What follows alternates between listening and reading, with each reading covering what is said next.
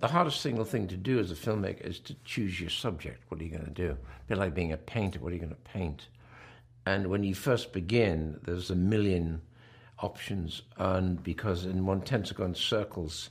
What am I going to make this film about? What is my story? What is my script going to be about? As you get more experienced or get more, yeah, older, uh, your choices become more focused. So right now, this time, I only have about four things really in process, in development, that are fundamentally written and are being polished. So off that, and I don't have a list of 40 or 50 subjects. And when I first started, I didn't know what to do other than the fact I knew I wanted to make a film.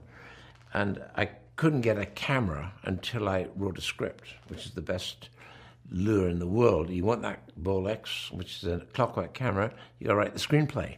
So I, at that moment, was into James Joyce and particularly Ulysses with all his descriptive, wonderful descriptive passages. And so for the moment, I became jo- J- James Joyce for about you know a couple of months. I sat down, literally wrote a screenplay. Off the screenplay, I got to borrow the film and got uh, the camera. And having got the camera, I made a film with my brother, which is called Boy and the Bicycle, which actually I thought was the starting box. Thereafter, I never made a film till I was 40, never got a shot till I was 40.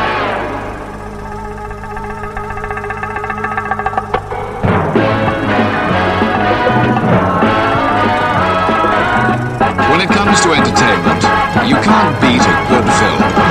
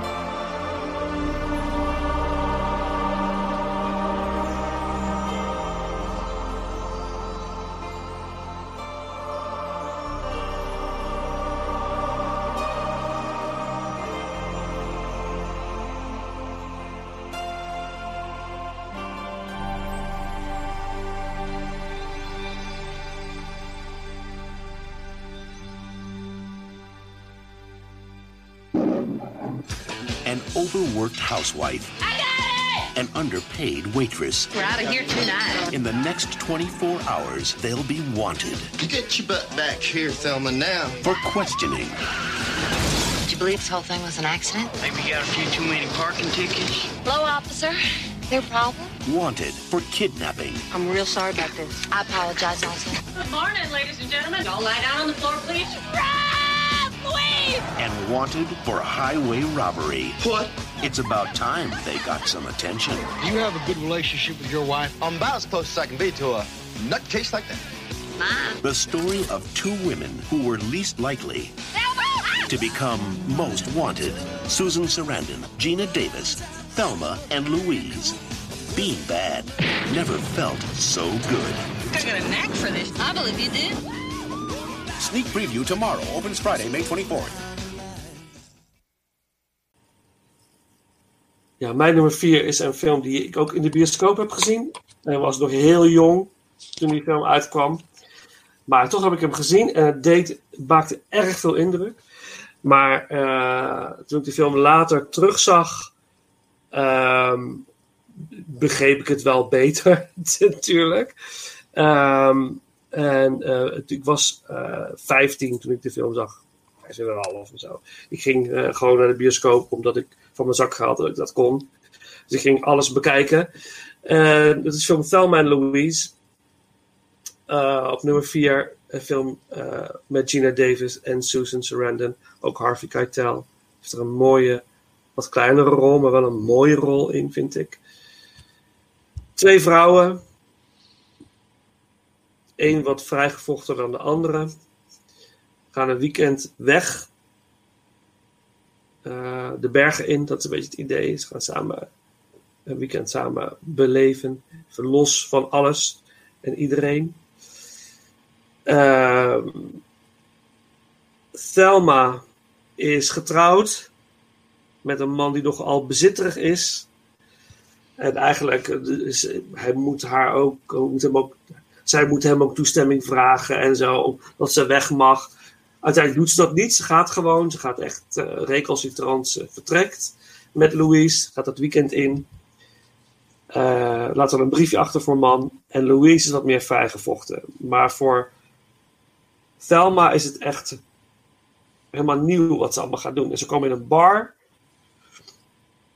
En daar gaat Thelma eigenlijk los. Want ik kan, ik kan nu losgaan, dus ik ga los. Ik ga dansen, ik ga drinken. Ik, dit is het begin van het, van het weekend der vrijheid. Ik ga los. Nou, en dan wordt ze eigenlijk ge- gelijk ook benaderd door, door een man. Eh, ook een beetje typisch figuur.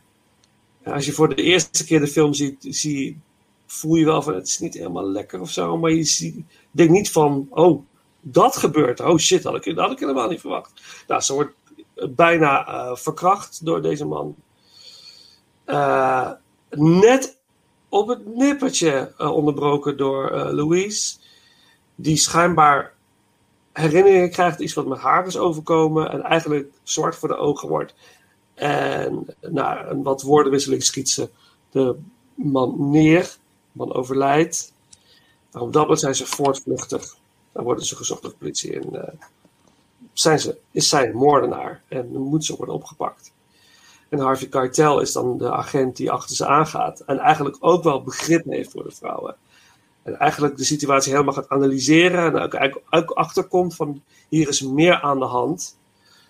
En hij, hoewel de meeste mannen in deze film eigenlijk een beetje de klootzakken zijn. eh, is eigenlijk de, de, de, de man van Louise, of de vriend van Louise. En Harvey Keitel is eigenlijk de sympathieke mannen in het verhaal. Die eigenlijk toch in hun man zijn. Zich niet helemaal kunnen inleven in een vrouw. Maar wel dat willen proberen. En het beste met ze voor hebben. En dat leidt tot, een- tot een, eh, een hele spannende, ontroerende, grappige, ontzettend boeiende roadmovie. Die mij heel erg heeft geraakt weer toen ik hem weer zag. Dacht ik weer van jeetje, wat, die, wat is dit een mooie film zeg. Nou ja, daar wil ik direct op Eh, inhaken. eh, echt, echt gaaf. Met een ongelooflijk mooi einde. Ja. Ja. ik, vind, ik vind het eigenlijk een, een heel passend einde. Ik, uh, het is misschien niet het einde waar iedereen. Nou, weet je, als je de eerste keer de film kijkt, dan, dan ben je eigenlijk een beetje overdonderd door het einde. Uh, dat zie je niet aankomen. Uh, maar ik, vind het zo passend, omdat het uh, ja, qua symboliek zoveel groter staat en zoveel meer vertaalt dan alleen de actie. dan het moment. even een stapje terug, wat je inderdaad zei van uh, Harvey en de echtgenoten van een van die twee. Dat zijn op zich de, ja, de, de, de, ja, de, de mannen die, die proberen begrip. Ik vond dat juist een van de mooiste elementen van de film. Uh, uh, je, je ziet bij hun de worsteling en ze weten eigenlijk niet zo goed wat ze, uh, wat, wat ze, wat ze ermee aan moeten. Ehm, Harvey Keitel is natuurlijk de agent die ze op het spoor is en die ze eigenlijk moet inrekenen. En hij komt eigenlijk in conflict met zijn uh, ja, met zijn innerlijke morele kompas en ook zijn, zijn ja, rol als politieagent.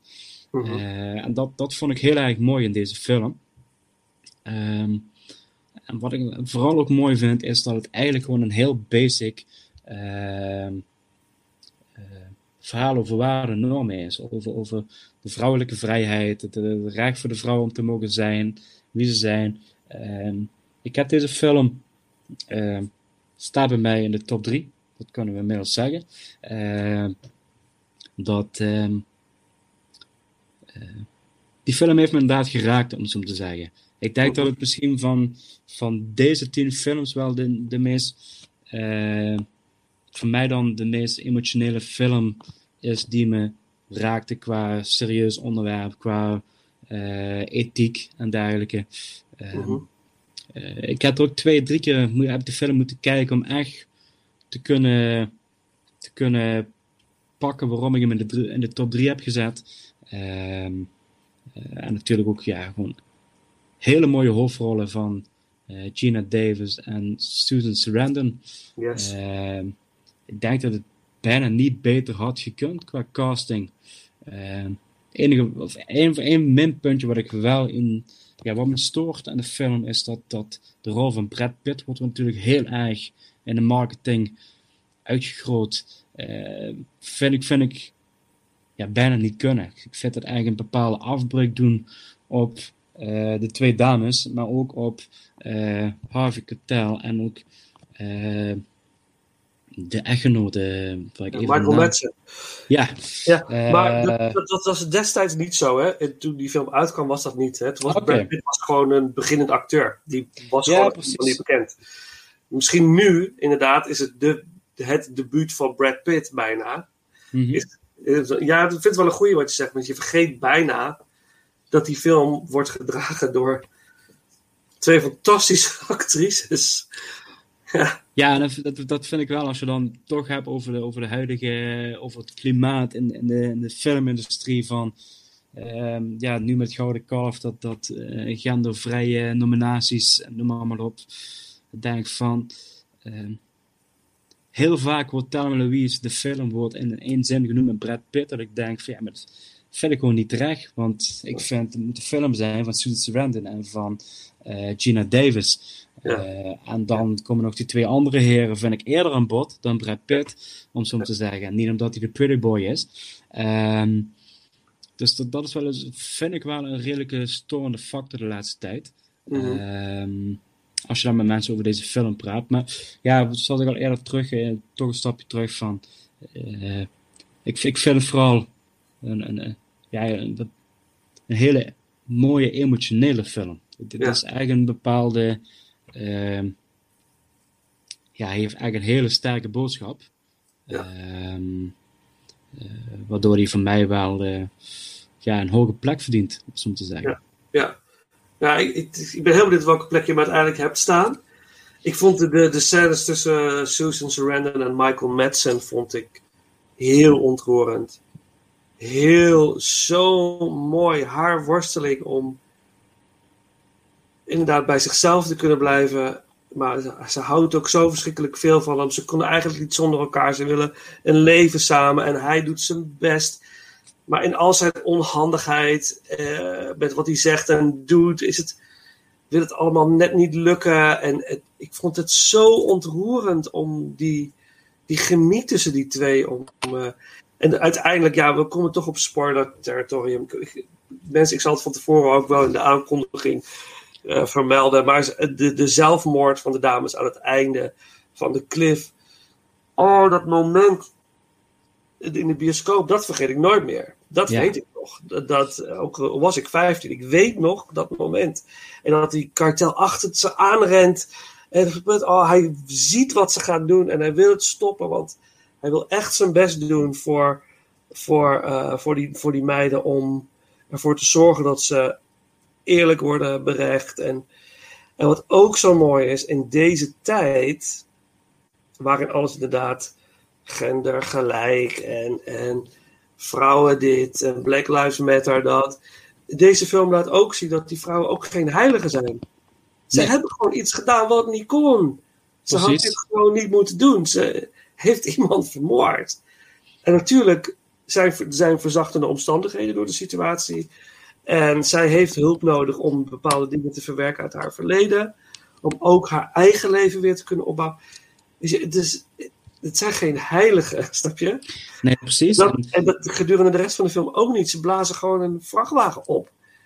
Weet je, in al hun. Ze, ze, ze draaien ook door.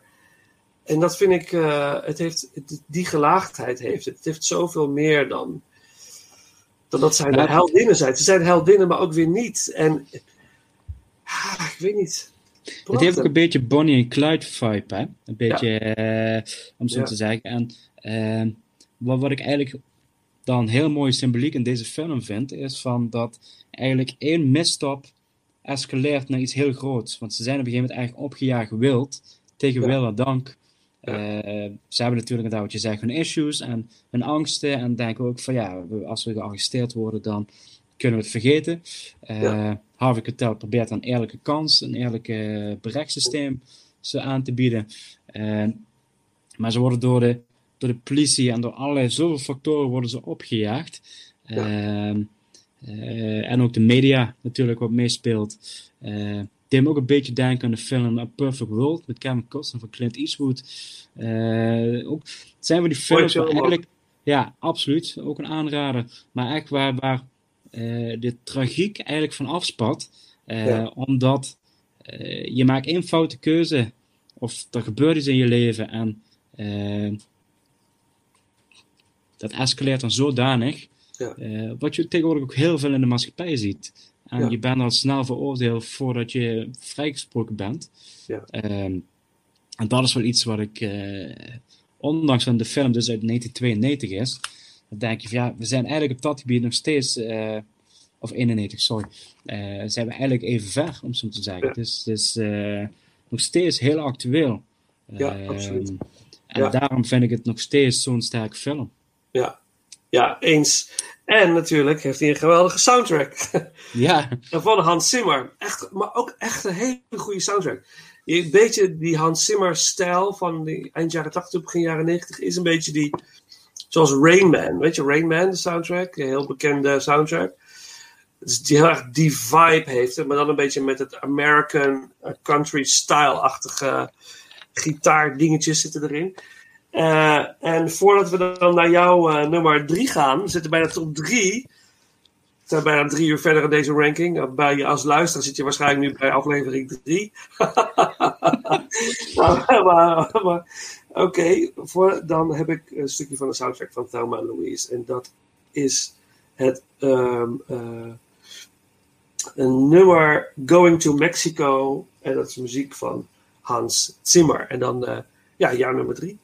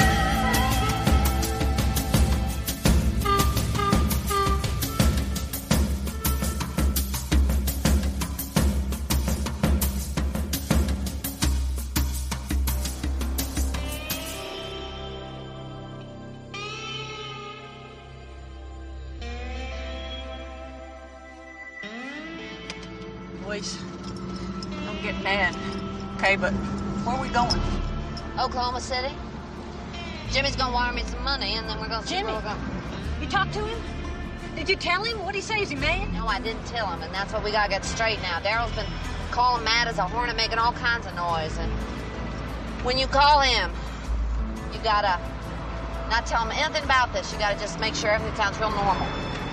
You know, I called the asshole at 4 o'clock in the morning. He wasn't even home. I don't know what he's got to be mad about. I'm the one who should be mad. Thelma, I'm going to Mexico. Now, I figure I can make it in two and a half days, but I'm gonna have to haul ass. Are you up to this?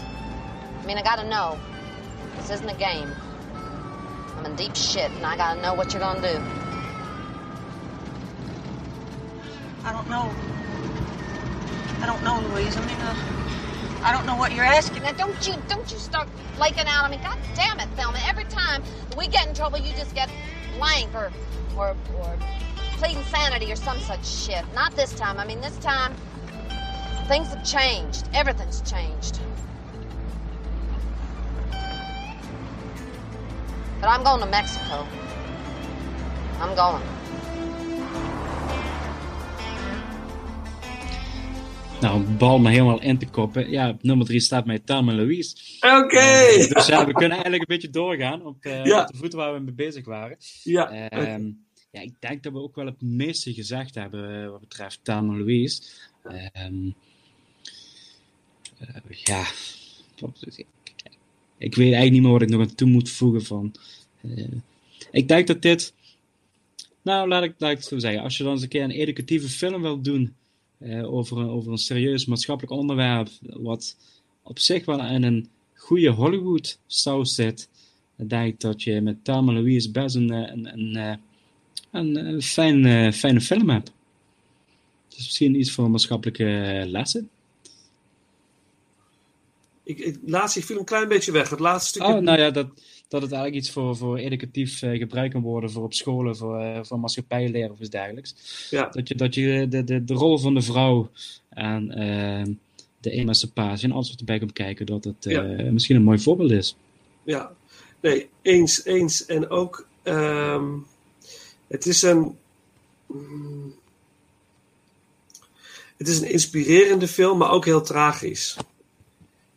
Het is, dus Ja, heel, het is een hele rare. En dat, is, dat wekt eh, stof op voor een goede conversatie, denk ik. Ik denk ook dat veel jonge mensen gewoon moeten gaan kijken op scholen. Ja. Wat later is. Ja, eh, ik denk dat dat best wel. eh, interessant is. Dit, dit is niet een, een anti-mannenfilm. Wordt ook heel vaak gezegd dat het een anti-mannenfilm is, maar dat is het helemaal niet. Dat is dat, dat absoluut niet. Uh, het is niet voor geoorloofd dat je iemand neerschiet, maar wat die man doet is natuurlijk verschrikkelijk, waardoor die wordt neergeschoten. Maar hij verdient het niet om neergeschoten te worden, maar snap je? Dus het is. Ja, ah, uh, ja. ja het, het, het, vraagt eigenlijk om een groter denkproces. Het is, ja. uh, het, is niet, het is niet een excuus om zo impulsief te handelen, ondanks, uh, ondanks je verleden, om zo te zeggen. Nee, uh, ja. Er zitten altijd twee kanten aan het verhaal en uh, proberen altijd het goede voor ogen te zien. Ja. Um, en dat, dat vind ik wel een interessante uh, film daarvoor. Ja, absoluut. En ik denk het einde van is het de sprong naar de vrijheid, weet je wel, of is het echt suicide? En dat is ook een heel mooi ding om over, uh, dat is de spirituele lading uiteindelijk in die film aan het einde van, ja, is dit dan, ja, hadden ze nog een leven kunnen hebben als ze gewoon waren ingerekend? Hadden ze dan misschien, misschien nog wel een heel mooi leven kunnen hebben uiteindelijk? Of, of is, dit, is dit de juiste weg? En daar kun je heel mooie gesprekken over voeren. Over wat zou jij doen op dat moment? Weet je, wat zou jij nou doen als jij op dat cruciale moment zou zijn? Ik, ik, vond het einde fantastisch. Ik denk, ja, beter wat je had, had het niet kunnen zijn. Het had gewoon dit, dat einde maakt dat je de film nooit meer zal vergeten. Nee, precies. En vooral ook op een, op een respectvolle manier. En vooral niet cheesy of, of uh, afgezaagd. Uh, het, het, het, klopt, het klopt eigenlijk op heel veel, uh, heel veel fronten. Ja. Oké, maar nu, voordat we dan naar, naar mijn nummer 3 gaan. En dat wordt, de top 3 worden gevaarlijke top 3. Dan zeg ik waar we nu in zitten. Het wordt heel spannend. Uh, maar um, ja, dan gaan we to toch nog één uh, Thelma Louise track. Even voordat we naar die, dat laatste stukje gaan, uh, uh, wil ik graag nog het nummer van Glenn Frey, Part of Me, Part of You. Dat is zeg maar de, de, de track die ook uitgebracht is destijds. En een soort van klein hitje is geweest. Hè, met ook als je van die videoclips zie je de man met de gitaar zo zingen en dan zie je flashes uit de film voorbij komen. Echt die jaren 80, 90 vibe. Uh, dus Clan Frey, Part of Me, Part of You uit Thelma Louise. En dan uh, naar mijn nummer 3.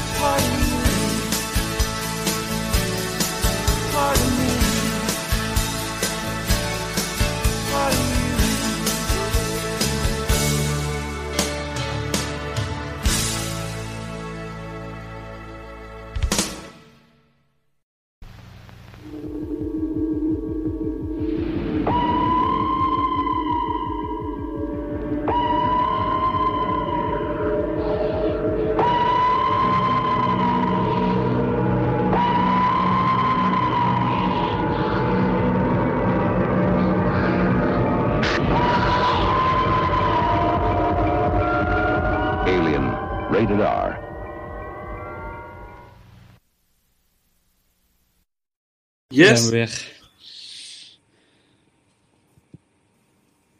daar zijn we weer. Oké. Yes. Ja, nu komen we natuurlijk op eh gevaarlijke terrein. Eh, dus ja, je kan het waarschijnlijk nooit goed doen. Tenminste, mijn top 3 zal zeker niet de top 3 zijn. Niet in de volgorde van de meeste. Nummer 3 staan, dan hou je hard vast, Alien. Uit 1979. Zeg maar de film waar Ridley Scott of in ieder geval eh, eh, ja de film met Sigourney Weaver eh, Tom Skerritt John Hurt Japet Kotto eh zijn die nu kennen eigenlijk eh, compleet veranderd. Ze heeft het horrorgenre genre gemixt met science fiction. We hebben natuurlijk ontzettend veel copycats gehad van Alien. Eh, natuurlijk de hele franchises uit. eh,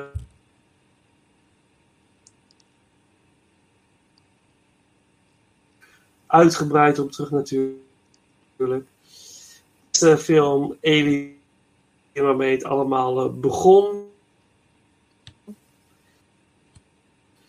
Eh de noodsignaal op. Besluit. Weg naar huis eigenlijk al, vanuit van een missie. Ze pikken een noodsignaal op. Gaan naar de planeet waar het signaal vandaan komt. Vinden daar een soort neergecrashed spaceship. Daar liggen allemaal eieren. Die eieren gaan open. Dus er komt een beestburger. Nou, we kennen het verhaal allemaal wel. Die, die nestelt zich op het gezicht van een van de bemanningsleden. Ze weten niet wat er gebeurt. Ondanks protest van Ripley eh, wordt degene toch het schip binnengelaten. Eh, uiteindelijk eh, laat het monster los van het gezicht. Maar blijkt of een ei eigenlijk. En daar komt een xenomorph uit. Dus een alien komt er uit zijn lijf door zijn borstkas heen naar buiten. In een extreem zit de crew opgesloten met een xenomorph in, een, in het ruimteschip in space. En de tagline van de film is ook in space, no one can hear you scream. En dat is ook precies wat het is natuurlijk. Dus ze kunnen nergens heen. En het monster wordt groter en groter en groter per uur. Wat uiteindelijk leidt tot een final confrontation tussen Ripley, Sigourney Weaver en de Xenomorph. En dat is Alien. En eh, het is een van de beste science fiction. Ontzettend goede spanningsopbouw. Ehm, mm, mooi eh, geacteerd. Simpele setting. Fantastisch. Maar het is niet mijn favoriet. Ik ga, Aliens staat voor mij bo- boven Alien. Dat vind ik een betere film. Alien is vrij slow-paced. Het gaat allemaal heel langzaam. En als je voor de eerste keer ziet, ik denk in deze tijd. Mijn zoon kon hem redelijk handelen, maar die gaat toch echt wel meer voor aliens. Weet je, het is, het is, heel, het is een slow burner, maar wel een goede payoff aan het einde, moet ik zeggen. Echt heel en verschrikkelijk knap gemaakt met de technieken die ze toen hadden. En holds up. Nog steeds, nu is het nog steeds een goede film. Eh, maar zeker niet mijn nummer 2 of nummer 1, maar eh, mijn nummer 3. Ja. Toevallig jouw nummer 2? Nee, dat niet. Oeh! Oké, oké. Dan komen we straks dus nog eh, verder op Alien bij jou. Maar dan ga ik... Een paar dingen. eh, wat zo verschrikkelijk goed is aan die film... is de, de, eh, het claustrofobische. Met, met veel man op een relatief klein oppervlak... in een gevaarlijke situatie. De crew gaat krijgen spanning onderling. Die zijn er aan het begin ook al een beetje. Dus die zijn er eigenlijk al een beetje. Maar dat wordt natuurlijk nog tien keer erger door de gevaarlijke situatie waar ze zich in verkeren. En eh, Scott, Ridley Scott had eh, bijvoorbeeld de opdracht gegeven aan Javed Kotto, dat is zeg maar de donkere man in het eh, geheel, om echt heel nasty te doen naar Sigourney Weaver. Gewoon zich echt te misdragen naar haar. Om haar een gevoel van, dus, het vond het echt niet prettig. Eh, en dat wilde hij zien, hij wilde dat voelen. Eh, dat komt ook echt wel over als je de film ziet. Zij is, valt echt buiten de crew bijna aan het begin van de film. Zij wordt niet door een eind, ze wordt wel geaccepteerd, maar ze is niet geliefd. eh, binnen de crew. Nee, nee. Ja, dat, dat- ik moet zeggen, de dynamiek tussen de crewleden is, is ook wel echt een van de sterkste punten van de hele film. Ik zei dat je voelt de spanning en de argwaan. En volgens mij is er ook al, zo'n tijdje geleden dat ik gezien heb, eh, volgens mij is er ook wel een discussie of ze wel of niet naar het noodsignaal moeten gaan. Ehm, ehm, dus daar, daar begint al de hele spanningsboog tussen de crewleden. Los van het feit dat er dus nog een ongenode gast eh, op het schip komt te zitten. Dat, ja, ja schitterend. En, dat, en die ongenode gast, die is maar vier minuten in de hele film in beeld. Ja, en dat vind ik zo briljant. Dat vind ik echt waanzinnig goed. Ja. Dat vind, ja, De film leunt ontzettend op, op, op de suggestie. En op momenten de dat hij in beeld is. Ja. Ja, daar, daar, dat is de kracht van de film. Ja. Het, het kan, hij kan achter ieder hoekje kan die zitten. Eh, en op een gegeven moment, dit kan, hij kan overal zijn. En natuurlijk het gevaar wat er ook nog ontstaat, heb je Kane. Hè? Nee, dit is niet Kane, dat is... Kane is de man die natuurlijk de facehugger krijgt. Mhm. Hoe heet de, de, de robot nou ook alweer? Ash. Ash, ja, Ash, ja. Ash. Ja, Ash, geweldige rol van Ian Holm. Eh, ja, dat die ook doordraait. Hij is, is, is een, is een, eh, een droid, een android. Met een menselijk eh, uiterlijk. Die eigenlijk de crew moet ondersteunen, maar uiteindelijk ook gewoon de opdracht krijgt om alles wat inheems is en wat onderzocht kan worden, wat mogelijk van waarde kan zijn voor ons, moet eh, meegenomen worden. Dus eh, dus hij wordt ook een gevaar daarin. Dus dat is. eh, Ja, dus het gevaar dreigt van meerdere fronten. Hè. Dat, Ja. Je, je weet gegeven moment niet meer wat je kunt, aan wie je kunt vertrouwen. Ja. En wat ik, wat ik gewoon ook heel erg fascinerend vond, tenminste ik van, eh, de film is uit 1979, eh, Star Wars is van 1977. Eh, daar maak je natuurlijk kennis met C-3PO als Ja. human android. Ja. En vervolgens heb je Ash in, Ja. in de rol van Ian Holm. Ja. Zo'n contrast, waar je dus eigenlijk een beetje aan de ene kant de, de- ja, de fantasieachtige android, de lieve android, waar je, waar, je, waar je sympathie voor hebt. En ineens krijg je dus ook een creepy android. Ja. En daar wordt een vervolgende deel natuurlijk ontzettend goed op eh, doorgespeeld. Op die spanningsboog. Ja. En natuurlijk, wat ik, wat ik ook wel op zich een, eh, de- android heet Ash in deze film. Dat is de A van Alpha. In de tweede film heet die Bishop is eh, Beta. Ja. En in de derde film gaan ze ermee door. Eh, Ja. En dat is de reden waarom in latere films, als Michael Fassbender de rol als het ware overneemt, zijn namen zijn ook gerelateerd aan eh numeriek stelsel. Ja. eh, met David, de D van Delta. Eh, ja, top gemaakt gewoon. Ja, ja. Dus het, ja oh, dat heb ik nooit zo bekeken, maar dat is wel heel, dat is wel heel gaaf. Deze, dit vind ik wel cool. ja, En ook nog te bedenken hè, dat, dat, net als met Star Wars, niemand wilde deze film maken. ja, Er was gewoon geen. Er was, 20th Century Fox had een soort van wel opdracht gegeven een script, maar ze wilden hem toch niet maken. Het zou bijna door Roger Corman worden gemaakt, eh, de regisseur die de meest slechte films ever maakte. Die heeft bijna deze film gemaakt. Maar uiteindelijk, eh, toen Walter Hill eh, zich ermee ging bemoeien, met het script en het verhaallijn en zo, is, is, is de studio overstag gegaan. Gelukkig. Gelukkig maar. Want eh, anders hadden we dit niet gehad, denk ik. nee, ja, dit, dit is, dit is filmgeschiedenis. Ja, absoluut. Puur zang. Absoluut. Ja. Maar we komen er nog op terug, ja? ja, we komen nog op terug. Oké, oké, dan laten we dan maar gelijk een stukje soundtrack doen.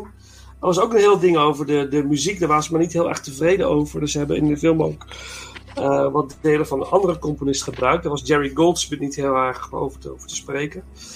Maar eh, hij heeft wel veel voor de film geschreven. Dus uiteindelijk staat hij wel ge- in de credits als eh, composer. Dus de muziek van Jerry Goldsmith. eh, uit Alien. eh The End Credits. En dan naar jouw nummer 2. Mijn nummer twee. Yes.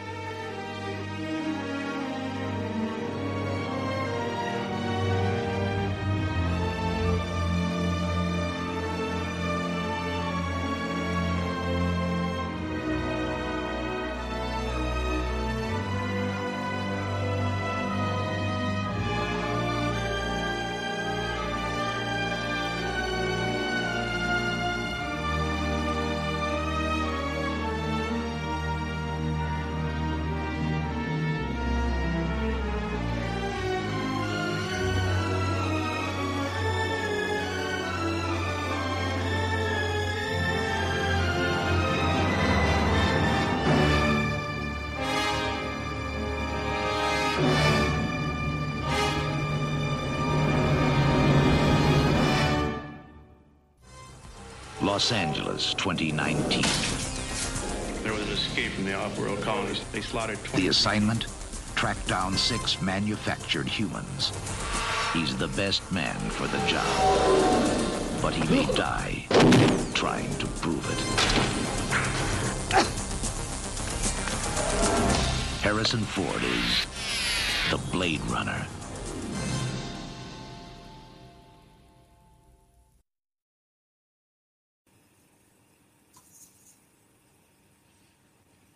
Mijn nummer twee is eh, Blade Runner. Ja, ja, ja, Ja. En ik voel hem eigenlijk al aan. Dus, eh, nee, ja, Blade Runner staat mij op de tweede plek. En ehm, het heeft diverse redenen. Ehm,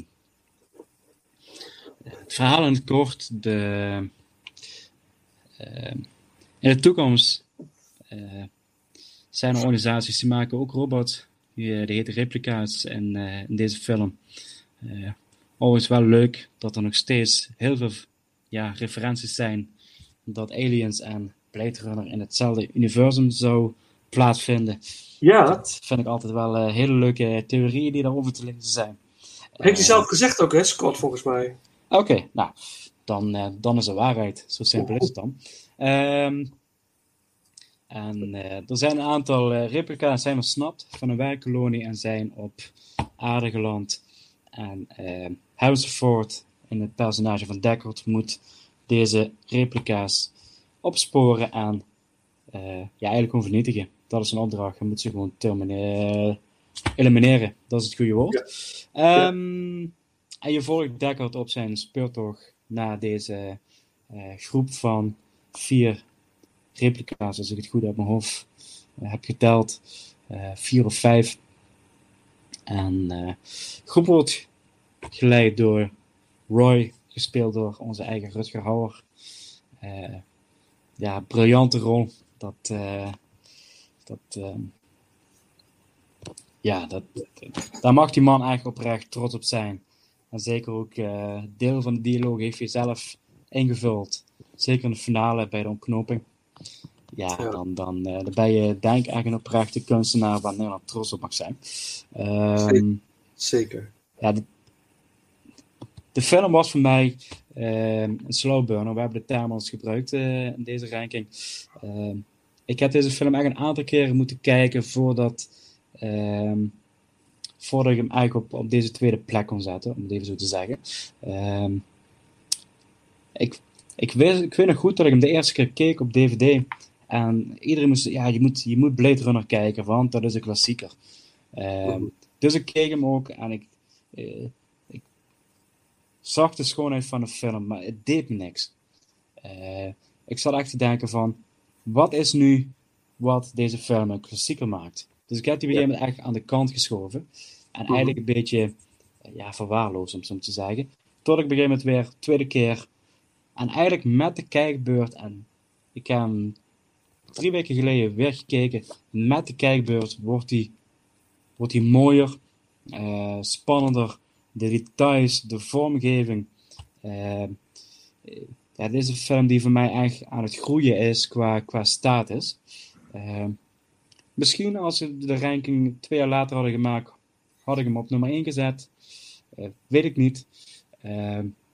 Eh, maar ik, ik vind het wel een hele mooie science fiction-achtige eh, ja, cop story, om het zo maar te zeggen. Het, dus ook zei, ik maakte vergelijking al een beetje met Blade Runner. eh, sorry, Ja. met eh, Black Rain. Ja. Eh, een beetje de, de, de, de- ook heel veel Aziatische invloeden zijn in, in, het- in het decor gebruikt bij Blade Runner. Ehm, de, de woede, eh, de settings, de robottechnieken, de, eh, de, de evolutie van de mens, van de replica's zijn niet van het echt te onderscheiden. Tenzij er bepaalde testen worden afgenomen. Ehm, en wat er ook nog bij komt kijken van, eh, deze film heeft uiteindelijk ook een prachtig vervolg gekregen. eh, door Denis Villeneuve. Ehm Blade Runner 2049. En dankzij die film is eigenlijk het eerste deel nog beter geworden. Eh, voor mij dan. Het gaf mij Ja, een bepaalde, eh, een bepaalde boost gaf die film. eh opdat je eigenlijk in het vervolg wordt eigenlijk de wereld wordt groter gemaakt. Er wordt iets toegevoegd en eh, er is een nieuwe verhaallijn. Wat voorbeduurt op hetgene wat in de eerste film gebeurt. Waardoor je dus ineens opnieuw dingen in een ander perspectief gaat bekijken. Mhm. Eh, weet ik niet of er toen de tijd, in het, in het jaar dat, dat die film gemaakt werd, en dan praten we over 1981, of dat toen al zo slim de dag was, of dat het iets is van de latere jaren. Mhm. Eh, maar ja, ja, holy fuck, om maar even plat te zeggen. Dat, eh, ehm, en toch staat hij niet op nummer 1. Dat is dan wel een beetje de, de, de, de, de gekkigheid in, de- in deze ranking. Ja, nou, goed. Ja. Dus, ehm, Nou, dit is, dit is eigenlijk voor, een, voor de type film wat het is, is het eigenlijk een hele trage film. Eh, Klopt. En dat is, dat is eigenlijk ook een beetje, eh, ook wel, eh, ik geloof, aan die tijd ook wel een beetje de signatuur van, van Ridley Scott. Eh, wat je juist ook al zegt, de Alien film heeft ook een hele trage film. Eh, als we kijken naar de Duelist, zijn debuutfilm, is ook niet zijn snelste film, om zo te zeggen. Die neemt ook de tijd voor bepaalde dingen. Ja. Ehm, en ehm, eigenlijk, ja, de, de, de twee, drie films die daarna komen, die hebben ook wel nog de film een bepaalde traagheid om het verhaal op te bouwen. En dat kunnen deze films gewoon heel goed gebruiken. Ja. En dat pakt het gewoon heel goed uit, zeg maar. Ja. Ehm, en zet de film juist in zijn kracht. Even kijken. De, ja, Rutger Hauer. Hè, wat moeten we daarvan zeggen? Dat, dat, dat is echt... ehm, ook weer de muziek trouwens van Vangelis, dat moet ik niet vergeten te zeggen. Ook weer echt, eh, sinds, eh, het, past gewoon zo enorm eh, erbij. Ja, en Rutger Hauer is een, een slechterik, wat eigenlijk geen slechterik is. En dat is eigenlijk weer de mooie, het mooie verhaal en de diepgang in deze film van de replica's willen eigenlijk gewoon vrijheid. Willen gewoon eigenlijk onafhankelijk zijn, willen niet eh, voor de mens werken, willen gewoon eigenlijk. eh, en als je over gaat nadenken van ja, dat kan eigenlijk helemaal niet, want er zit een houdbaarheid aan. En dat weten ze zelf ook. Dus ze zijn ook op zoek van hoe kunnen we onze hou- houdbaarheid ehm, verlengen. En die houdbaarheid staat voor zoveel dingen symboliek in onze maatschappij. Niet alleen in onze maatschappij, maar ook in de film. Dat alles is, heeft een bepaalde houdbaarheid. Ja. Ja. tot, tot de kleinste dingen. Het is allemaal vergankelijk. Het is allemaal maar tijdelijk. Ja. Ehm, en wat ik zelf ook heel erg mooi vond. Ford is de agent eh, die op zijn jacht heeft, krijgt later ook een, een dubbele gelaagheid, een personage. Ik denk dat we dat nog even bewaren voor later. Eh, Ja. Ja. ehm, hij is dus eigenlijk de jager, Ja. maar wordt op de finale wordt op het einde gewoon de gejaagde. Ja. Eh, de rollen zijn compleet omgedraaid. Ja. Eh, hij mag van geluk spreken dat hij, hij overleeft, omdat Rutger Hauer, het karakter van Rut- Rutger Hauer, toelaat. Eh, Dat, dat hij schijnbaar toch meer menselijkheid in zich heeft dan verwacht. Want hij redt hem eigenlijk. hij Ja. redt hem ook nog. Dus ja. Ja. Dat Ja. vond ik zo'n zo'n ja, finale wat eigenlijk, eigenlijk helemaal niet verwacht. En ook eigenlijk helemaal niet gebruikelijk was. Want eigenlijk is het dan toch, mensen willen dan toch gewoon de goede en de slechte Rick, het, het, concept zien. Maar eigenlijk redt de slechte Rick de goede Rick. Ja. Eh, en krijgt daar een hele, zo'n bijzondere, en wat je zegt van daarom wordt eh, de replica nog menselijker. En begin je steeds meer de vraag van, ja, misschien verdienen ze het ook wel. Je krijgt een bepaalde sympathie voor Ja. ze. Ja. Eh, Ja, ja, ja. Want ze worden eigenlijk weer- opgejaagd. En wat ook weer heel gevaarlijk is, die sympathie. en zie, dat is echt heel bizar. Dat, dat, en dat, volgens mij was het publiek niet klaar voor Blade Runner in eh 1982, dat die uit, 81, 82. En dat die uitkwam, eh, hij is ook geflopt, weet je wel. Mhm. Hij heeft- een cultstatus gekregen. En nu is het een van de, wordt gezien als een van de beste science fiction films aller tijden. Eh, maar toen was men niet klaar, onder andere voor dit soort dingen. Hè, dat inderdaad hij, die, de, eh, de replica, hij weet dat hij sterft. Hij is aan het vergaan. Hè, dat, dat weet hij. Ieder moment kan het nu voorbij zijn. Dus het laatste, zijn laatste handeling is een handeling van goedheid. Dan Ja. is ook nog de witte duif, weet je, die Ja. eh, ook nog bij hem komt. Dat betekent van vrede, wat een idee van Rutger Hauer zelf was. Het maakt die film zo verschrikkelijk. Het- ja, ik weet niet, ik heb geen woorden voor. Maar daar komen we zo nog op. Maar dat, ehm, dat ja, maar volgens mij was het publiek daar nog niet klaar voor. En volgens mij wat je ook zegt, de eerste keer dat je Blade Runner ziet, je ziet de poster, dan verwacht je een gigantisch spektakel. Ja.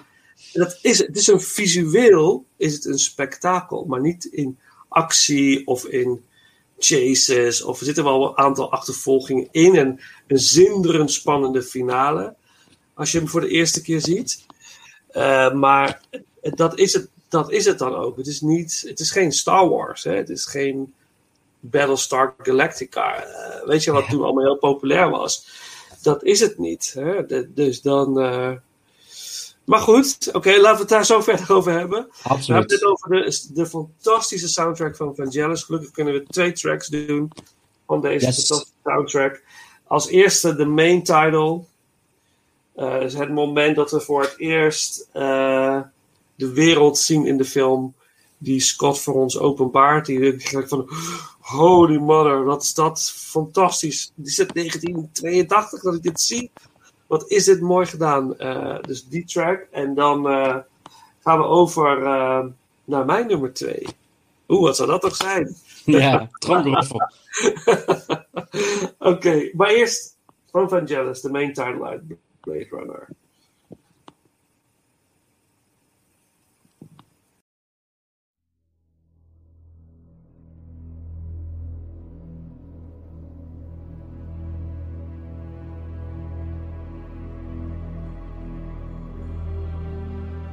34 to 46.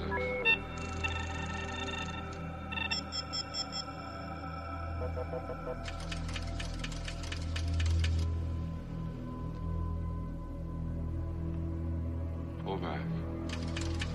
Wait a minute. Go right. Stop. Enhance 5719. Track 45 left.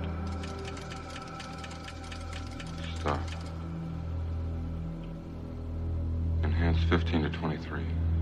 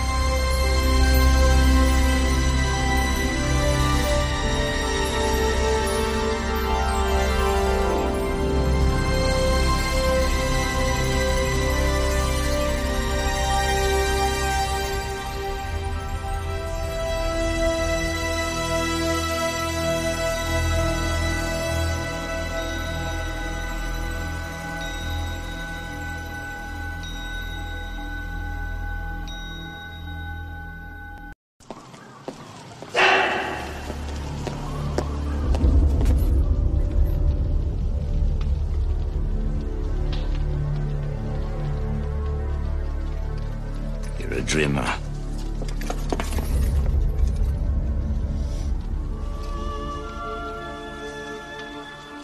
Look out there. What do you see?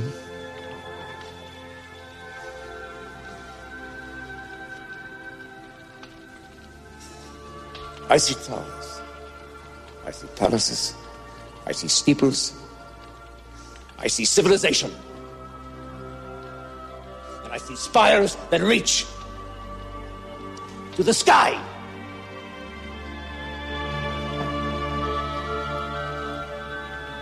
All of them created by people like me. No matter how long you live, Sanchez, there is something that will never change between us. I did it.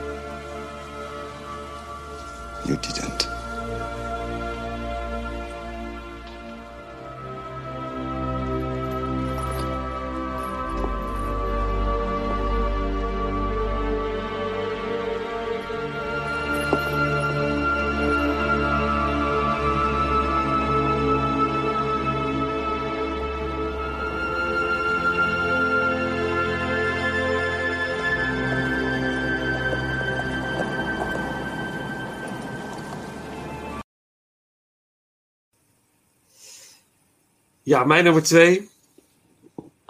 Ja, het was een beetje een strijd met de nummer drie. Eh, maar toen ik van het weekend weer zag, dacht ik, ja, dit is toch echt, ik, ik- dit is mijn nummer twee. En dat is 1492 Conquest of Paradise. Die bij jou een stuk lager in de rankings. Ja. Maar ik heb deze film gezien in de bioscoop. Ik, ik werkte toen als, ik was 16, ik werkte, ik had een vakantiebaantje in de bioscoop. En eh, ik kreeg dan een, eh, als betaling kreeg ik een kaart. En dan kon ik eh, een half jaar lang, wanneer ik maar wilde, gewoon naar de bioscoop. Ik kon gewoon films kijken. Nou, dat was voor mij nog beter dan zakgeld, was dat. Destijds, dat, ik kon gewoon overal naartoe. Dus ik heb superveel films in de bioscoop gezien. En ik ging gewoon op de Bonnefoy op een middag naar 1492 Conquest of Paradise. Ik ging gewoon kijken. En vanaf het eerste moment tot de laatste seconde was ik helemaal eh, verwonderd. Door de muziek, de beelden. Ik vond de rol van Depardieu prachtig. Zijn accent en zijn voorkomen. En eh, ik kon me niet schelen of het historisch correct was of niet. Weet je, ik vond het zo mooi. En toen ben ik vier keer teruggegaan. In de weken die volgden. Iedere keer weer. Oh, mooi. En afgelopen weekend weer gekeken. En weer tot tranen toe. Met die muziek en alles. En zo verschrikkelijk mooie film. En ehm, het is in de films die destijds werden gemaakt. Het was volgens mij eh, het zoveeljarig bestaan eh, van uh, vijf, 500-jarig bestaan of zo. Van, Ja. Eh, het werd herinnerd en het was dat jaar eh, dat inderdaad eh, kwamen er twee films uit. Eh, Columbus the Discovery of zoiets, volgens mij. En dan ehm, deze met, eh, van Ridley Scott. En deze film is historisch gezien het meest accuraat. Maar hier wordt Columbus ge- geportretteerd als een ehm goede man die het beste voor had. Met, eh, wat uiteindelijk later in de film ook wel doorschijnt van nee, hij heeft het ook niet zo goed met die eh, inheemse bevolking op. Want hij wil ook gewoon alleen maar goud en geld en het geloof verspreiden. Hij wil ook, hij wil ook ontdekken, maar het gaat ook heel om bezit. Hij komt op het land en hij claimt het. Hij heeft nog niemand ontmoet. Hij komt aangelopen, vlag. Ik claim dit eiland. Dit is nu van mij. Of van, snap je? Terwijl ze Ja, nog helemaal ja, ja. niet weten- Weet je, en dat is natuurlijk heel erg. eh, ik heb onlangs een boek gelezen, gelezen heel interessant. Die heet Roofstaat. En het gaat over de Nederlandse rooftochten op zee door de eeuwen heen. Nou, als je dat leest, denk je ook. "Oh, holy mother. We hadden nooit de rijkdommen gehad zoals we nu kennen als we het niet hadden gedaan. Laten we dat opstellen. Hè? Dat is ook altijd wel een mooi discussiepunt. Ja, eh, slavernij, dit, ja, maar wat nou als... Hoe hadden we dan nu geleefd? Maar goed, dat is een heel andere discussie. Maar dat dat zie je ook in deze film. Het gaat om bezit.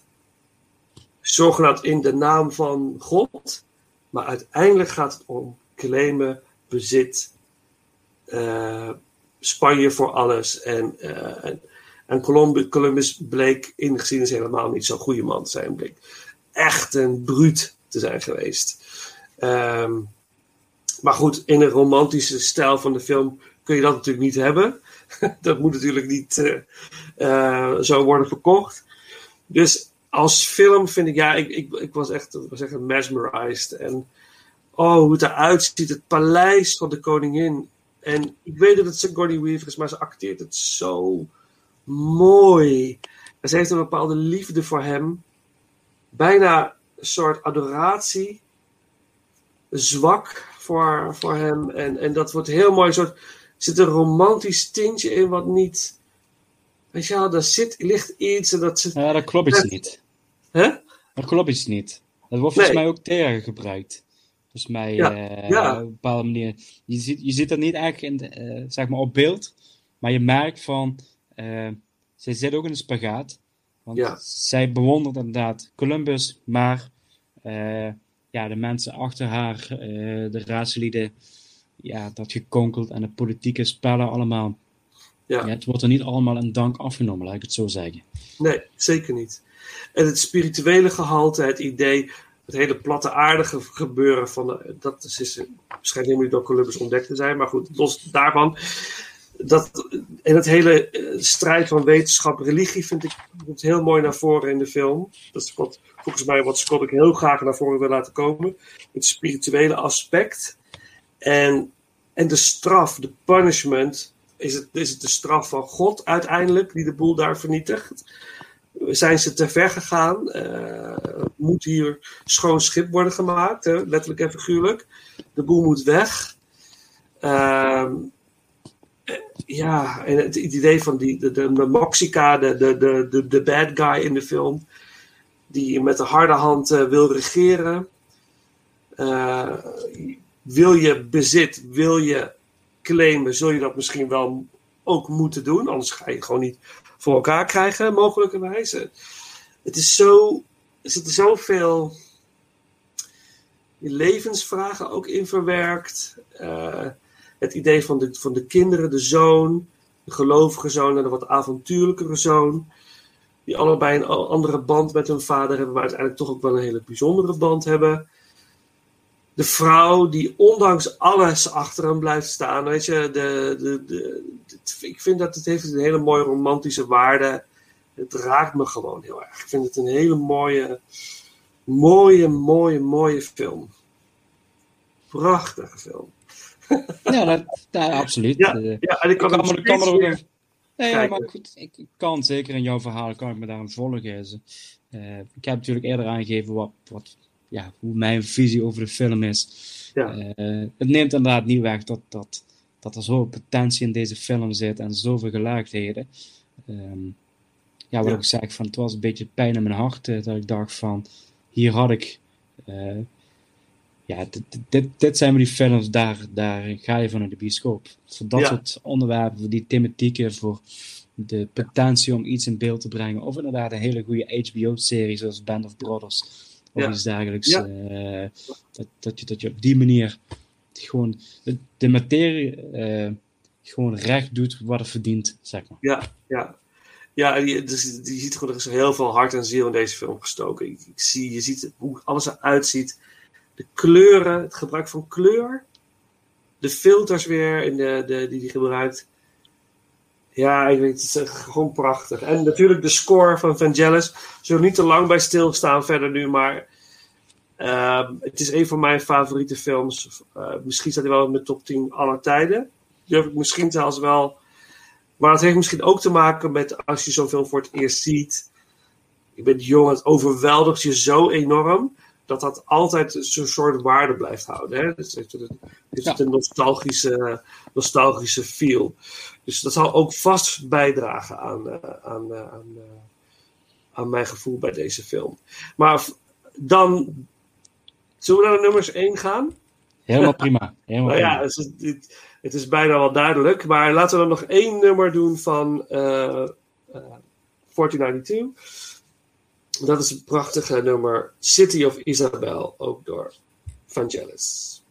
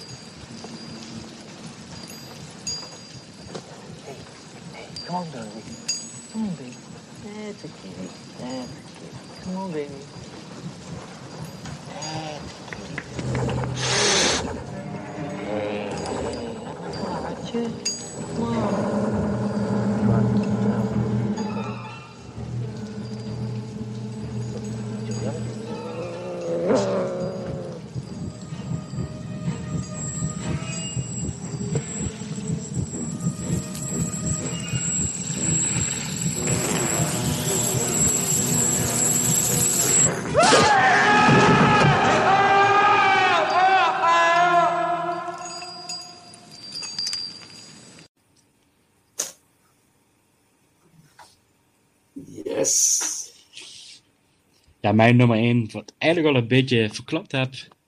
Dat zeg ik maar later. Ehm, ja, is Alien. Eh, Ja. Alien staat bij mij op, eh, op nummer 1.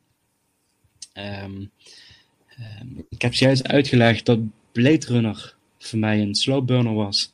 Eh, dat was Alien bij mij totaal niet. En dat is eigenlijk ook misschien wel de meest belangrijke argumenten waarom Alien op de eerste plaats staat en Blade Runner op de tweede plaats. Want eigenlijk staan ze voor mij op een, evenredige tray, zeg maar. Ehm, ik, vond dat een hele moeilijke keuze. Dus ik heb op een gegeven moment gezegd van... Nou, welke film was bij de eerste kijkbeurt de impact het grootste? En dat was Alien. Ehm, ik weet dat ik Alien de eerste keer zag en eigenlijk ehm, ja, helemaal weggeblazen was door heel veel facetten. En dat ik eh, toen de film afgelopen was echt eh, ja, met klamme handjes op de bank zat toen ik hem keek. Want toen was ik een stuk jonger, laat ik het zo zeggen. Eh, ehm, dat ik eigenlijk het gevoel ik heb zelf op het schip gezeten. Eh, dat ik zelf ge- gevlucht heb voor de Alien. Ja, dat, dat is een bijzondere filmervaring eh, voor de eerste keer. Eh, en ik heb het eigenlijk nog steeds, dat, dat eh, wat je terecht zegt van ehm, nog steeds, ja, goed van 1979, nog steeds zo sterk is vanaf de eerste minuut. Eh, de spanning, de, de setting, en de, Het, het- ja, het eigenlijk uit het, of het maximale uit de minimale dingen halen. Heel veel suggestief doen, donkere, donkere gaten, gangen. Eh, en een van de mooiste scènes vind ik, eh, mis- ja, ook wel misschien een van de spannendste scènes. Ja, dat is eigenlijk met toch wel een kleine publiekslieveling, Harry Dean Stanton. Ja. Misschien weet je, Ja. misschien weet je wel welke scène ik bedoel. Ja, tuurlijk. Ja, ja kijk, weet je, dit is het moment dat hij door, die, door de... Ja, ik weet even niet goed wat voor ruimte het is, maar met al die kettingen. En je ziet gewoon in een, een shot dat eigenlijk redelijk nonchalant gedaan wordt, maar je ziet gewoon de alien tussen de kettingen hangen. En als publiek is in eerste instantie van, is hem dat nou? Ja, dat is hem. Dat is even zo- zo'n twijfel van, zie het nou goed? Hangt hij daar al? Ja. En eigenlijk, in die secondes wat erop volgen, er gebeurt er zoveel in je hoofd van, ten eerste, je ziet het, de twijfel van, zie je hem goed? Om vervolgens te weten van, dit gaat niet goed aflopen voor het personage van Harry Dean Stanton.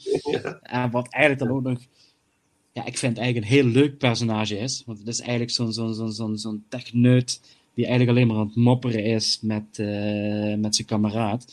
Eh, en ook, ja, eh, liefhebber van een kat. Eh, dus de hele tijd op zoek is naar zijn kat en eh, daarvoor zorgt.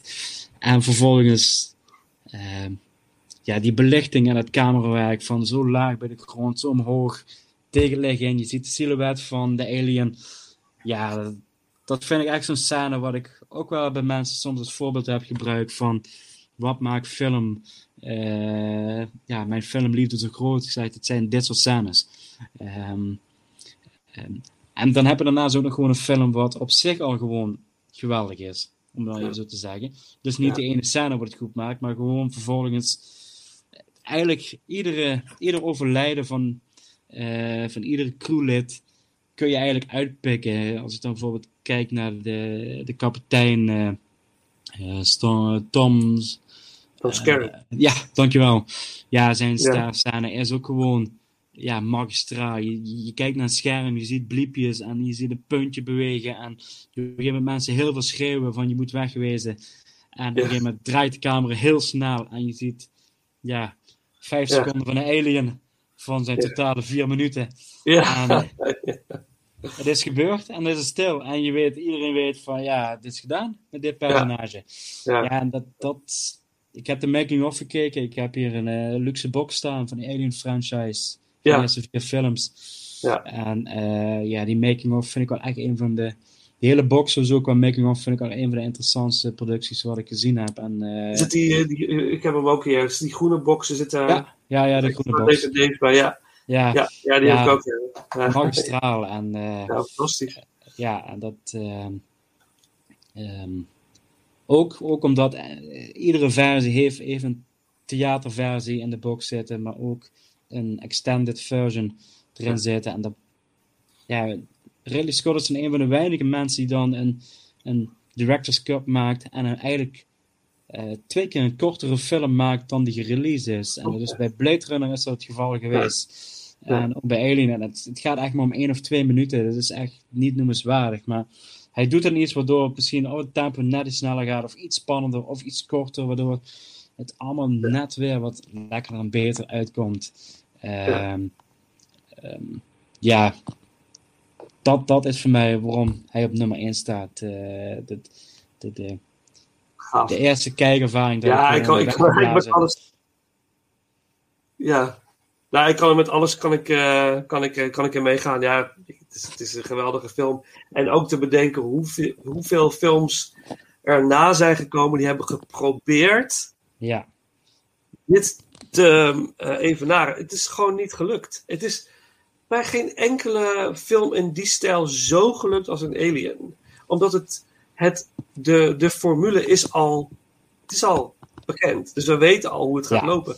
Daarom is, is het vervolg zo, zo- zo fantastisch goed. Omdat Cameron Precies. iets heel anders is gaan doen. Die heeft niet hetzelfde willen doen. Een beetje elementen, maar uiteindelijk is dit meer een actiegerelateerde film geworden dan dat het een slow burning, ja, slow burning, eh, langzaam opbouwende onderhuidse spanning is geworden.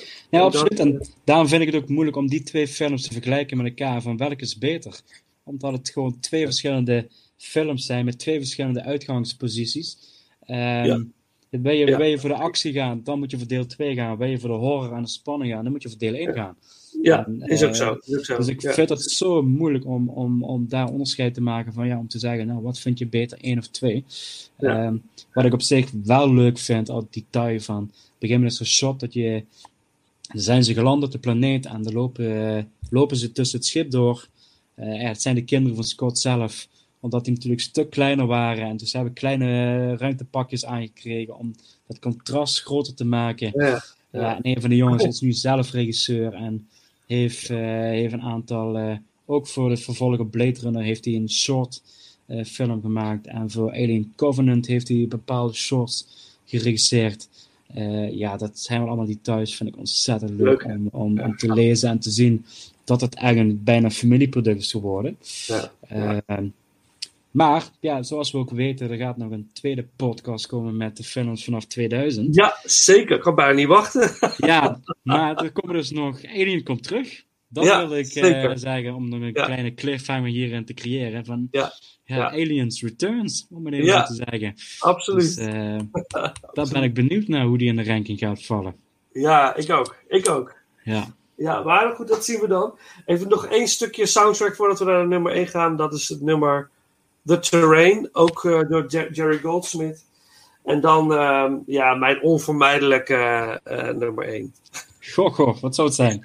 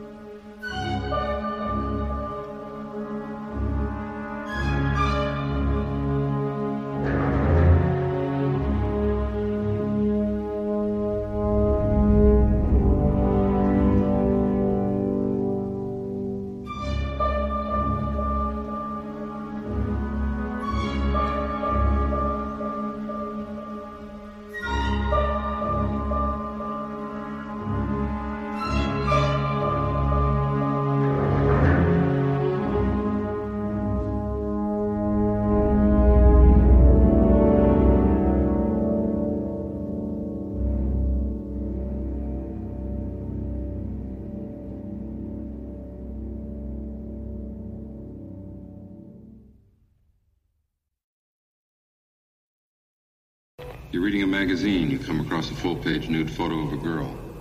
Is this testing whether I'm a replicant or a lesbian, Mr. Deckard? Just answer the questions, please.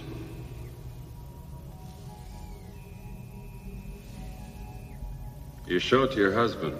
He likes it so much he hangs it on your bedroom wall. I wouldn't let him.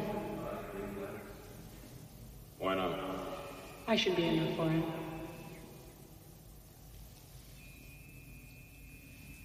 One more question. You're watching a stage play. A banquet is in progress. The guests are enjoying an appetizer of raw oysters. The entree consists of boiled dog.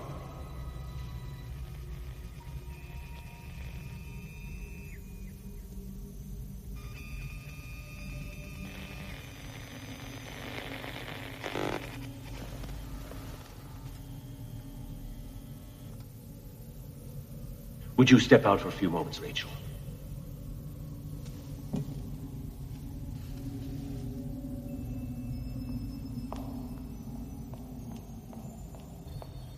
Thank you. She's a replicant, isn't she? I'm impressed. How many questions does it usually take to spot one? I don't get it, Tyrell. How many questions? 20, 30 cross referenced. It took more than a hundred for Rachel, didn't it? She doesn't know.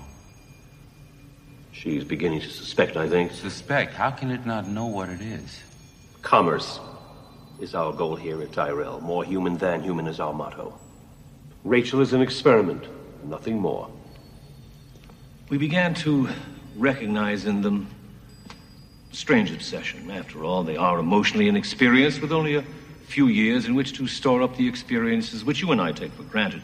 If we gift them with the past, we create a cushion or pillow for their emotions, and consequently, we can control them better.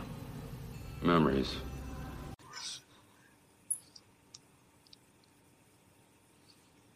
Ja, mijn nummer 1 is, ja, dat is natuurlijk Blade Runner. Blade Runner is een van mijn favoriete films. Ik denk ook in mijn top 10. Samen met de 2049, die vond ik ook echt magistraal. Ik weet nog niet precies welke ik prefereer van de twee. Ik, dat weet ik nog niet. Maar heb ik er niet echt over nagedacht.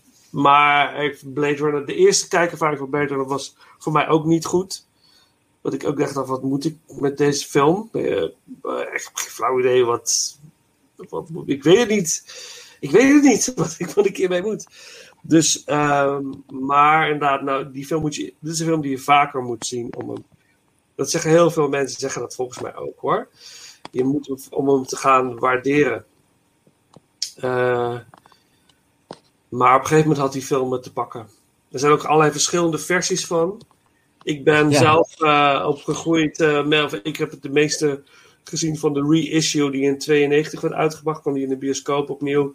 En op DVD. Ik heb hem niet, helaas niet in de bios gezien, maar wel op, op DVD. Eh, VHS toen nog natuurlijk.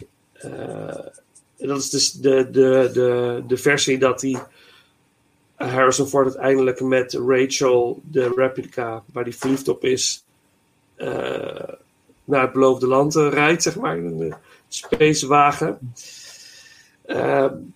Het is niet de favoriete einde voor iedereen, dat is het einde wat het meest dicht bij mij ligt. Maar ehm, voor mij is Blade Runner een, magistraal meesterwerk. Het is, als ik hem nu kijk, ja, ik kan hem ook steeds keer op keer op keer gaan kijken. De, de, belichting maar weer, de, de, de filters waarmee Scott werkt. Eh, als hij Rachel voor het eerst ontmoet, de gouden gloed die eh, die kamer binnenkomt vanuit de, de zon van buiten. En krijg ik het helemaal warm van. Dan krijg ik er bijna een soort van vlinders in mijn buik van. van kijk hoe mooi dit is. En dat Rutger Hauer, de, de tweestrijd die hij voert. Menselijk willen zijn, maar weten dat je het niet bent. En eigenlijk langzaam aan het overlijden bent. Maar hij wil mens zijn eigenlijk. Er zit heel veel frustratie in hem. Wat hem slecht maakt. En uiteindelijk dan weer goed maakt aan het eind eigenlijk. Dat hij dus eigenlijk een heldendaad verricht voordat hij sterft. Eh, terwijl de held hem eigenlijk moet vernietigen. Maar eigenlijk niet de held is van de film eigenlijk. Deckard is eigenlijk maar een hoopje ellende in de hele film. Vond ik ook heel bijzonder. Ja, eh, Sean Young, mooie rol als, als, als Rachel. De muziek van Vangelis. Ehm ja, we hebben natuurlijk je hebt heel veel dingen al benoemd. Eh, Daryl Hannah, even nog, als een van de andere replica's. Ook geflopt waarschijnlijk omdat hij tegelijk uitkwam met E.T. en The Thing. Die natuurlijk eh, ver boven Blade Runner scoorde. Eh, heeft een hele langzame pacing. Daar moeten mensen ook aan gaan wennen, denk ik. Dus je, je moet mee kunnen gaan in de sfeer. Dat is ook bij 2049 zo, eh, trouwens. Je moet mee kunnen gaan in die... Je moet het geloven en meegaan. En dan, dan heeft de film je. Je moet, je Ja. moet mee kunnen gaan in die wereld. Als, de, als je al denkt van, nou, dit is, eh duurt me allemaal weer veel te lang. Wat is het voor raar gedoe? Ja, dan ben je al gelijk, kun je net zo goed de film uitzetten en Ja. kijken. Ja, helemaal mee eens. Dat is, dat is dat. eh, eh, je, je moet ervoor openstaan en je moet, je moet er eigenlijk je aan kunnen eh, verbinden, commenteren, om, om die film te kunnen omarmen. Ja, Eh, absoluut. Je moet, eigenlijk, je moet zelf iets geven om die film te kunnen opnemen. Ja, Eh, ja, ja. En wat, wat, ik, wat ik ook heel erg mooi vind in deze film van... ehm, ja, er zijn echt prachtige beelden van de stad, wat allemaal er afspeelt. En je ziet zo weinig. Hè, want eigenlijk zie je voortdurend zie je, eh shot van heel hoog, wat eindigt in het donker. En je ziet nooit een hoog shot wat eindigt op de straat. Eh, dus die flats die kunnen zo hoog zijn. En je ziet niet de, je kunt niet in de verte kijken. Dus er, er is zoveel ruimte voor je, je fantasie. En dat is iets wat deze, ja, de magie van deze film ook groter maakt. Ehm, eh, en diezelfde magie wordt natuurlijk ook met de hoofdrolspelers gespeeld. Ja. Want dat is wel nog een vraag die ik bij jou wil neerleggen. Van, Ah ja, daar komt hij. Ja, wat denk jij? ja. Stel hem maar de vraag. Nou ja, de, de vraag, en dat is iets waar, waar eh, menige, ja, menige meningen over verdeeld zijn, is van, is het karakter van Harrison Ford, Deckard, is hij ook een replica? Dus een replica jaagt op replica's. Ehm, ik moet eerlijk zeggen... Wat er in 49 gebeurt, soort van. Eigenlijk. Precies. Oh, Ehm, ik moet eerlijk zeggen dat ik per kijkbeurt eh, van mening veranderd. ik, ik, ik, ik kan er echt. Dit, dit is een van de grootste filmmysteries voor mij dan. Ja. Waar, ik, waar ik geen vat op krijg. Eh, waar ik normaal gesproken wel enigszins een, een mening kan vormen. Of dat ik ja, zeg maar iets, iets kan doorprikken. Of dat ik denk van. Ik denk dat ik weet hoe het in de kaas steekt. Is dit voor mij een film, magie, mysterie. Eh, wat ik daarnaast ook gewoon ontzettend mooi vind. Dat, dat zei ik er heel erg bij. Eh, ik heb op een gegeven moment het boeit me niet wat die is. Ehm, want of je voor scenario A of voor scenario B gaat, het kan alle twee. Ja. En Ja. ik zeggen, het vervolg zaait nog iets meer twijfel. eh, waar, ik, eh, waar ik inderdaad niet meer, meer duidelijkheid krijg, laat ik het zo zeggen. Nee, correct. Ja, ik, ik, eh, ik hoop dat hij het niet is, want dat maakt de relatie interessanter. Met een replica een relatie hebben, dus ja, dat is toch wel wel apart. Maar ik, als hij het wel zou zijn, is het ook heel fascinerend. Inderdaad, Ja. want dan. Maar dan weet hij het zelf niet. En dat vind ik nog veel fascinerender. Dat hij het. Misschien is hij het al, maar weet hij niet dat hij het is. Snap je? Ja, ja, absoluut. Maar wordt er ook in het vervolg niet mee gespeeld? Ja, ook, natuurlijk. Ja, dat is in het vervolg Dat- natuurlijk dat- een, een centraal thema. Want hij op een gegeven moment echt denkt dat hij mens is. Ja, ja precies. Dat, eh, ja. En dat, dat, dat misschien wordt gezegd van dat de, de, eh, de agenten die op replica's jagen, dat zij het juist niet weten. Ja. Juist om die onpartijdigheid te voorkomen en dergelijke. Ja, precies. Ehm, dat, dus in die film sorry, wordt er ook mee gespeeld en wordt ook niet echt eenduidig. Nou, je krijgt wel, je krijgt wel een uitkomst, om zo te zeggen. Ja. Ehm, maar die uitkomst blijft nog steeds breed interpreteerbaar. Ja. Want er wordt volgens mij, en corrigeer me als ik het fout zeg, maar er wordt volgens mij ook op een gegeven moment gesuggereerd van dat er dus ook eh, dat de politieagenten zowel uit replica's als uit mensen kunnen bestaan. Ja. Dus dat het gemengde korpsen zijn, dus eh, je weet niet van je collega of hij een mens of een replica is. Nee, dus, nee. dus dat zijn dus allemaal van die, ja, wat natuurlijk nog meer mysterie met zich meeneemt. Ehm, Dat is toch gaaf als het gebeurt bij ja, ik, ik, ik, vind het briljant. En Ja. eh, ehm, ja, ja, ik kan eigenlijk ook niet meer dan gewoon liefde uitspreken voor deze twee films. Eh, dat, ehm, ja, Blade Runner. Ehm, ja, heerlijk. Ja, nou laten we dan, ik, voordat we gaan afronden met elkaar en een gedag gaan zeggen tegen iedereen die luistert, eh, aflevering 6 waarschijnlijk inmiddels. Sorry, sorry. nee, alleen maar leuk. Ja, Eh, zeker. Dan doen we de eh, Rachel's Song. Prachtige, fantastische Vangelis track. Rachel's Song mag niet ontbreken. Eh, dus van de, mijn nummer 1 Blade Runner.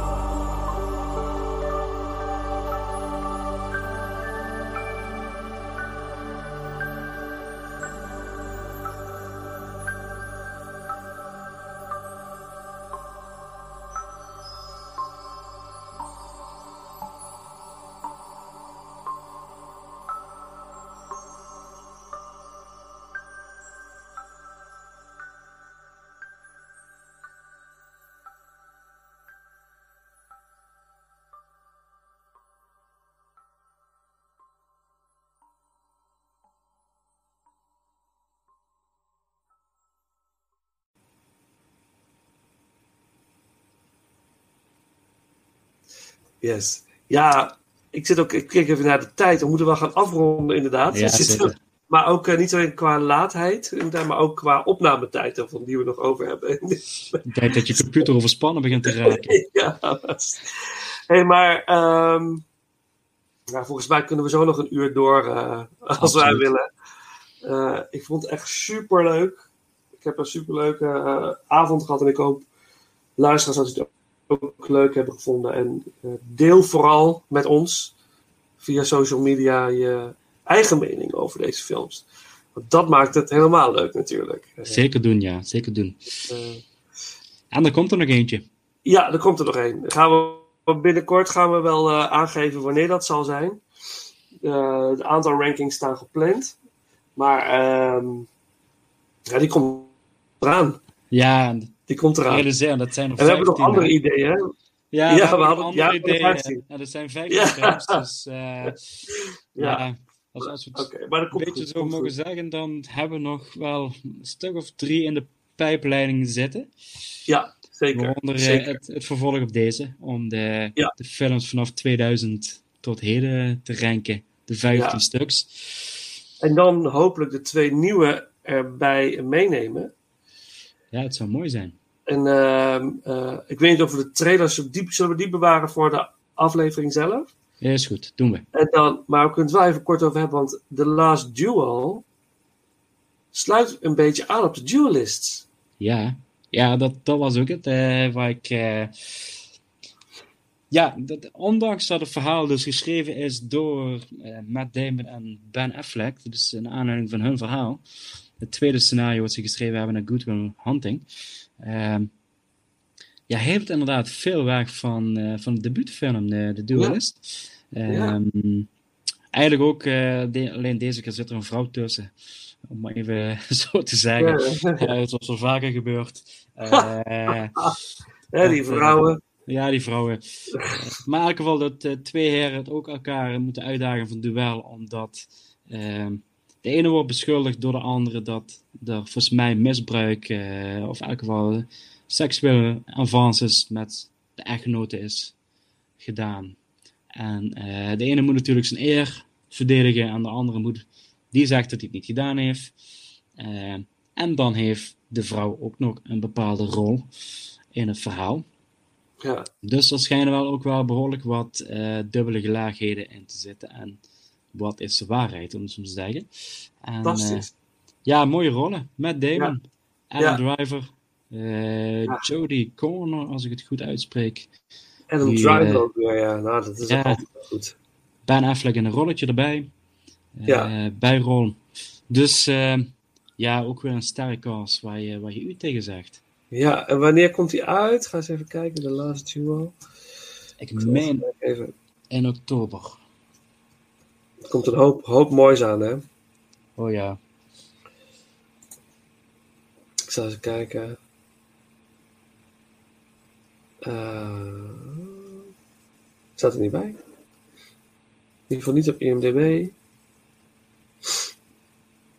Ik zie geen... Al geschrapt.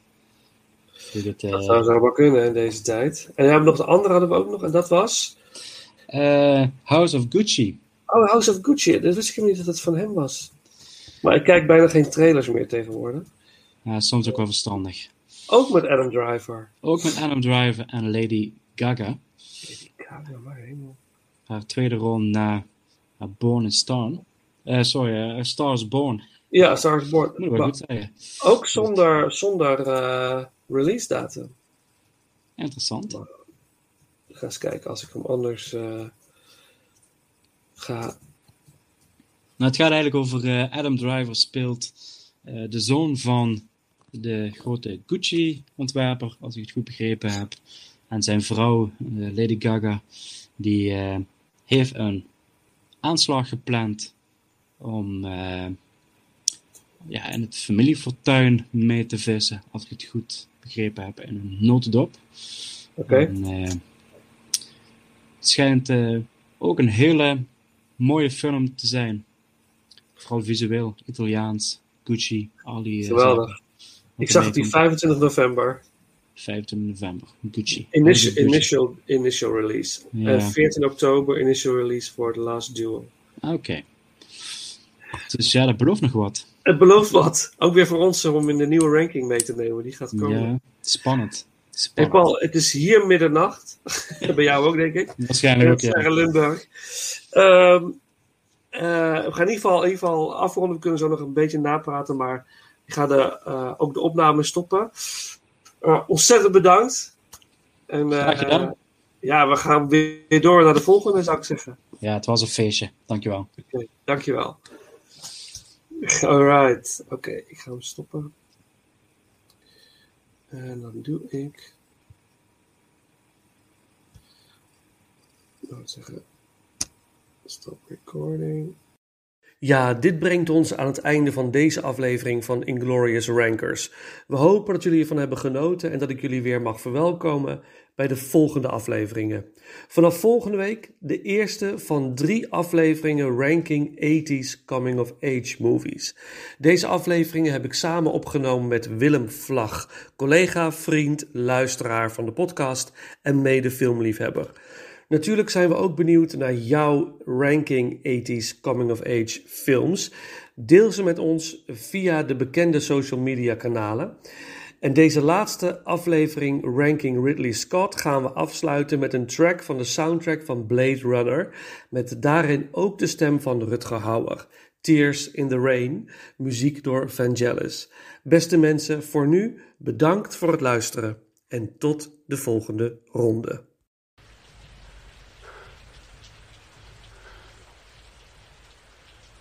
I've seen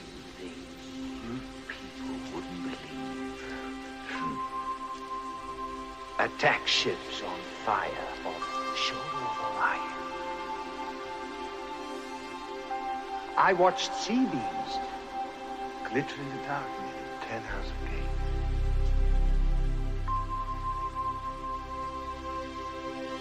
All those moments will be lost in time. Like tears.